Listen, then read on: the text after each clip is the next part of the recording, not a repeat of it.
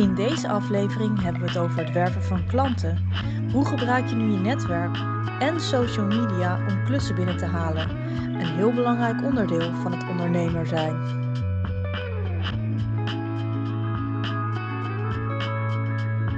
Ja, aflevering 2. We gaan het hebben over netwerken. Het werven van klanten, ja, dat uh, is altijd een uh, heikel uh, punt. Want je moet een beetje over een bepaalde gêne heen. je gaat jezelf toch verkopen. Ja. En hoe doe je dat nou op een charmante manier? Dat is eigenlijk wat we vandaag gaan bespreken. Ja, en dan ben ik wel benieuwd, Amies, als ik het zeg, je netwerk. Waar, waar denk jij dan aan? ja, dan denk ik aan alle mensen die ik heb ontmoet tijdens mijn professionele carrière. Ehm, nou, die duurt nu iets meer dan tien jaar ongeveer.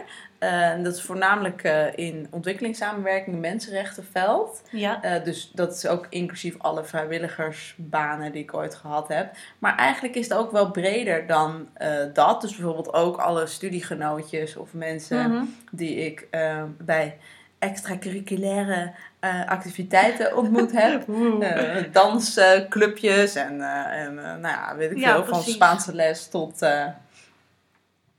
Zangles. zangles. Ja, Dus al die mensen, ehm, dat is mijn netwerk.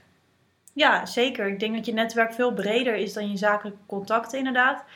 Ehm, je, misschien heb je wel eens op een verjaardag eh, met iemand gepraat die net werkt bij dat bedrijf waar jij heel graag voor wil werken.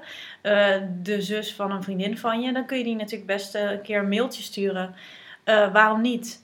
Ehm, en eh, ja, wat voor mij geldt is dat ik als verslaggever heb gewerkt en dat ik daardoor heel in- met heel veel verschillende mensen in contact ben gekomen. Omdat ik natuurlijk eh, iedere dag over een ander onderwerp schreef bij een krant. Ja, En ehm, ik eh, ook met sommige mensen bij organisaties ook wel echt een relatie had opgebouwd, omdat ik daar vaker over schreef. En dat waren bijvoorbeeld, ik schreef vaak over duurzaamheid. En dat doe ik dus nu nog steeds als copywriter. En die contact heb ik dan ook aangeboord toen ik voor mezelf ging beginnen. Door middel van een mail of door middel van een telefoongesprek. Van hé, hey, ik ga nu voor mezelf beginnen en eh, misschien eh, kun je aan mij denken als je een eh, schrijfopdracht hebt. ja, leuk. Nou ja, je noemt eigenlijk nu een paar dingen. Hè? Van aan de ene kant de mensen in je eigen directe netwerk, die kan je mailen of bellen. En bijvoorbeeld de mensen in je wat uitgebreidere netwerk, dus je vrienden, vrienden van de zus van een vriendin van je. En wat volgens mij de hamvraag is, eh, hoe doe je dat dan? Hoe bedoel je? Hoe doe je dat dan? Nou, jij zegt, eh, ik stuur dan een mail. Ja, oké, dan kan ik, ik kan, oké, oké, ik ga een mail sturen. En wat ga ik daar, wat zet ik daar dan in? Wat ze, als het een mail is aan iemand uit je eigen eh, professionele netwerk, hoe?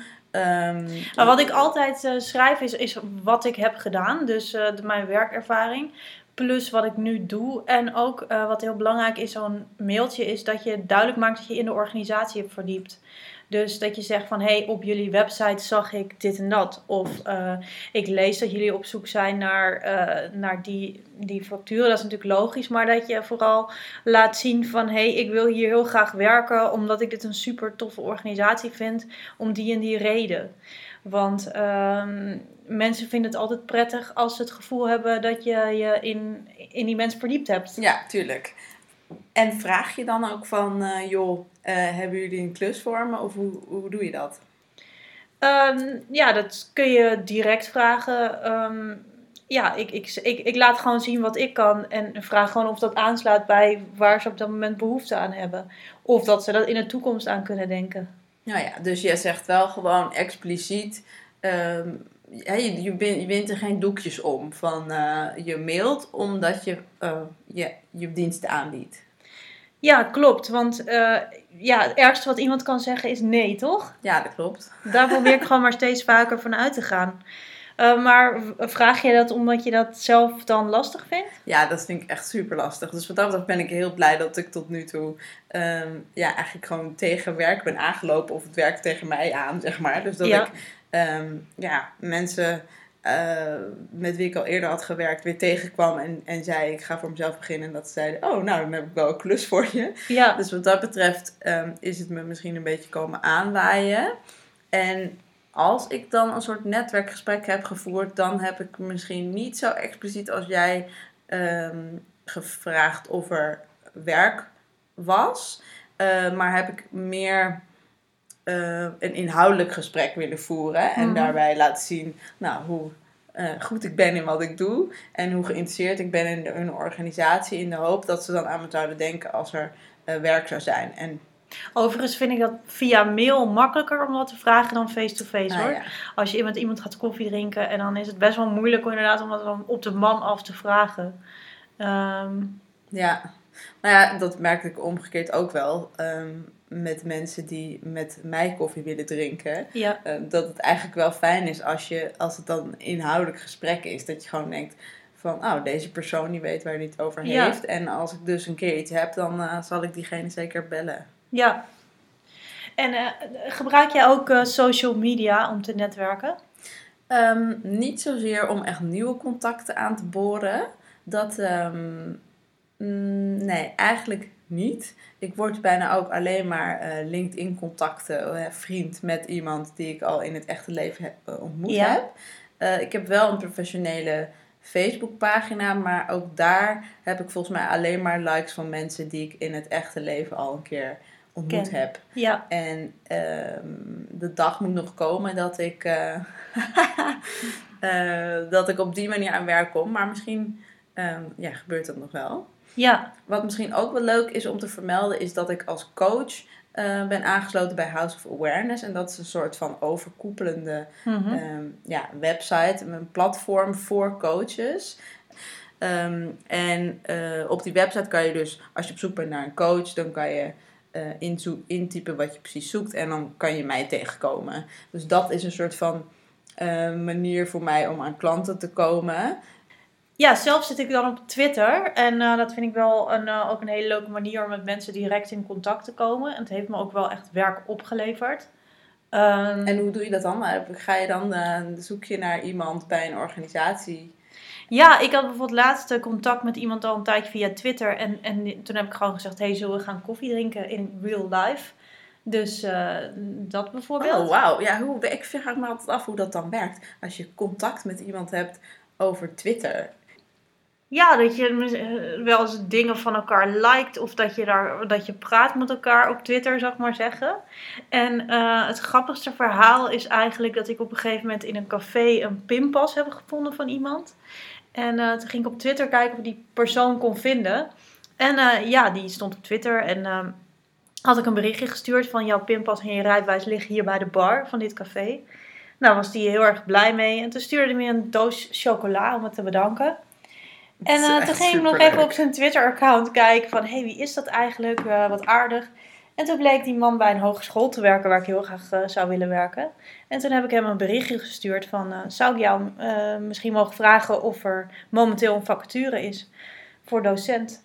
En dat bleek zo te zijn. En toen, nou ja, sinds dat berichtje werk ik daar eigenlijk wel als freelancer. Dus Echt een goed verhaal. ja, zo zie je maar dat Twitter en real life ook met elkaar in contact kunnen komen.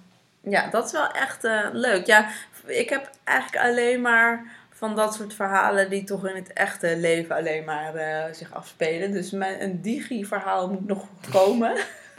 Maar bijvoorbeeld wat ik ook heel grappig vond, wat ik dus niet wist van LinkedIn, is dat als je iemand wil toevoegen en dan klik je op vriend, dan kan je die wel gewoon toevoegen als je die persoon niet kent. Ja, gewoon maar eventjes een tip. Maar ehm, wist jij dat? Nee, dat had ik geen idee van. Ik dacht inderdaad dat je, dat je elkaar al, eh, al dat je een e-mailadres moest hebben voordat je iemand kon toevoegen. Ja. En nou ja, dat is dus ook zoiets. Dat heb ik dus ook nog nooit gedaan. Ehm, terwijl dat helemaal niet zo heel gek is. Want sommige mensen die ik niet ken uit het echte leven, die besluiten ook om eh, LinkedIn-vriend met mij te worden. En eh Amies, ga je wel eens naar van die netwerkborrels? Ehm, nou, ik was, wilde eigenlijk zeggen nee, maar dat is niet helemaal waar. Want ik ehm, ben wel eens naar zo'n open koffie geweest. En dat is eh, Mhm. dan eh, met koffie en eh, niet met wijn. Maar ehm, dat is wel een hele leuke manier om mensen te leren kennen die ook freelancen. Wat je dan wel een beetje hebt, is dat je een beetje allemaal ja, in dezelfde pot- Vijver vist. Ja, precies. Vijvervis, dat, dat, dat zocht ik. Wilde zeggen potroeren, maar dat is toch iets anders. Ehm, dus, maar, maar het is wel heel leuk, ook omdat je soms gewoon...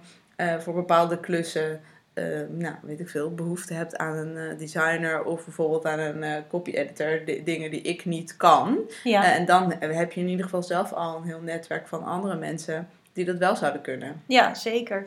Ik eh, heb bijvoorbeeld ook iemand eh, die- mijn website bouwt en eh, daar regelmatig mee helpt. Ik vind ook echt dat je hulp moet kunnen vragen aan je netwerk. Uiteraard wel tegen betaling, want het zijn ook freelancers. Yes, inderdaad. Hoe zie jij dat? Een website is natuurlijk wel essentieel voor je als ondernemer. Ja, dat vraag ik me eigenlijk af. Ik heb dus zelf nu al een jaar lang een website waarop staat amiesboersma.nl full site coming soon. Nou heb ik toevallig de afgelopen maand aan- Ja. aan de achterkant gewerkt. Dus binnenkort komt er ook echt een full Ja. site. Eh, maar ik heb toch prima gewerkt vorig jaar zonder dat die website Ja. af was. Wat het belangrijkste is, is dat mensen met wie je al een gesprekje hebt gehad, Je kunnen dat- vinden. die je kunnen vinden. En dat er op een, één plek op het internet eh, uitgelegd staat wat je doet. En dat kan dus op LinkedIn zijn, op Facebook of Ja. op je eigen website. Ehm, dat is denk ik het belangrijkste. En dat hoeft dan helemaal niet zo te zijn dat je zelf een hele ingewikkelde website moet hebben. Zolang je maar iets hebt wat er ook aantrekkelijk uitziet, waarvan mensen denken: ja, dit is degene die ik heb gesproken. Ja, En klopt. waar ik mee in contact wil blijven. Ja, Heb jij het gevoel dat je ehm, klanten ja, krijgt via je website? Of dat het Nee, maar, maar wel, eh, nou, ik heb wel één keer, eh, heeft iemand mij benaderd om een workshop te geven die mijn website had gevonden. Die, eh, die echt had gezocht op journalist duurzaamheid en mij toen had gevonden. Ehm, en het is inderdaad wel zo dat als je iemand een e-mail stuurt en je zet daaronder je website, dan merk ik wel vaak dat mensen zeggen, ja, oh ja, ik keek op je website en ik zag dat je dit hebt gedaan, dat hebt gedaan. Dus dat mensen er wel vaak toch even scannen en kijken wat je, wat je inderdaad Eigenlijk doet. meer als naslagwerk. Ja, ja, Ja, dus dan is het meer een, eh, een heel mooi visitekaartje waar Ja, mensen die je al ontmoet hebben eh, nog meer over je kunnen leren. Ja, en ik merk wel dat het, dat het dus wel belangrijk is hoe je jezelf daarop presenteert. Want eh, ik doe eigenlijk tekstschrijven, maar ik doe ook wel communicatieadvies. En bijvoorbeeld schrijf ik nu persberichten en opinieartikelen en websiteteksten bij Stichting Vluchteling. Maar eh, op mijn website leek dan alsof ik alleen maar tekst schrijf. Terwijl ik daar ook bijvoorbeeld social media doe en allerlei andere dingen. Dus het is Ja. wel belangrijk dat je het ook steeds up-to-date houdt wat dat betreft. Ja, en dat is wel een dingetje dat als je veel eh, outlets hebt, en dat hebben wij allebei wel, ehm, dan moet je ja, dat ook op al die plekken up-to-date houden. Dus je moet dan en op je website en op LinkedIn en op Facebook zorgen Ja. dat het er allemaal goed uitziet. Dus dat is ook wel een, ehm, Ja, ja, iets om op te letten. Ja, zeker. Goed bijhouden. We- Deze week eh, hebben we wel een interessante boekentip. Hè?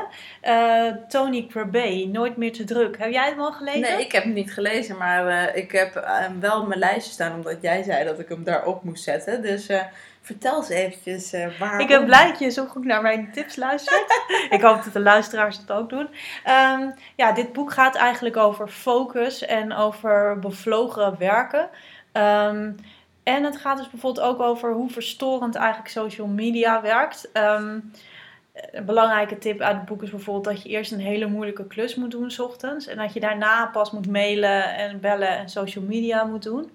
Ehm, het gaat eigenlijk dat we constant uit, uit balans zijn omdat we steeds gestoord worden.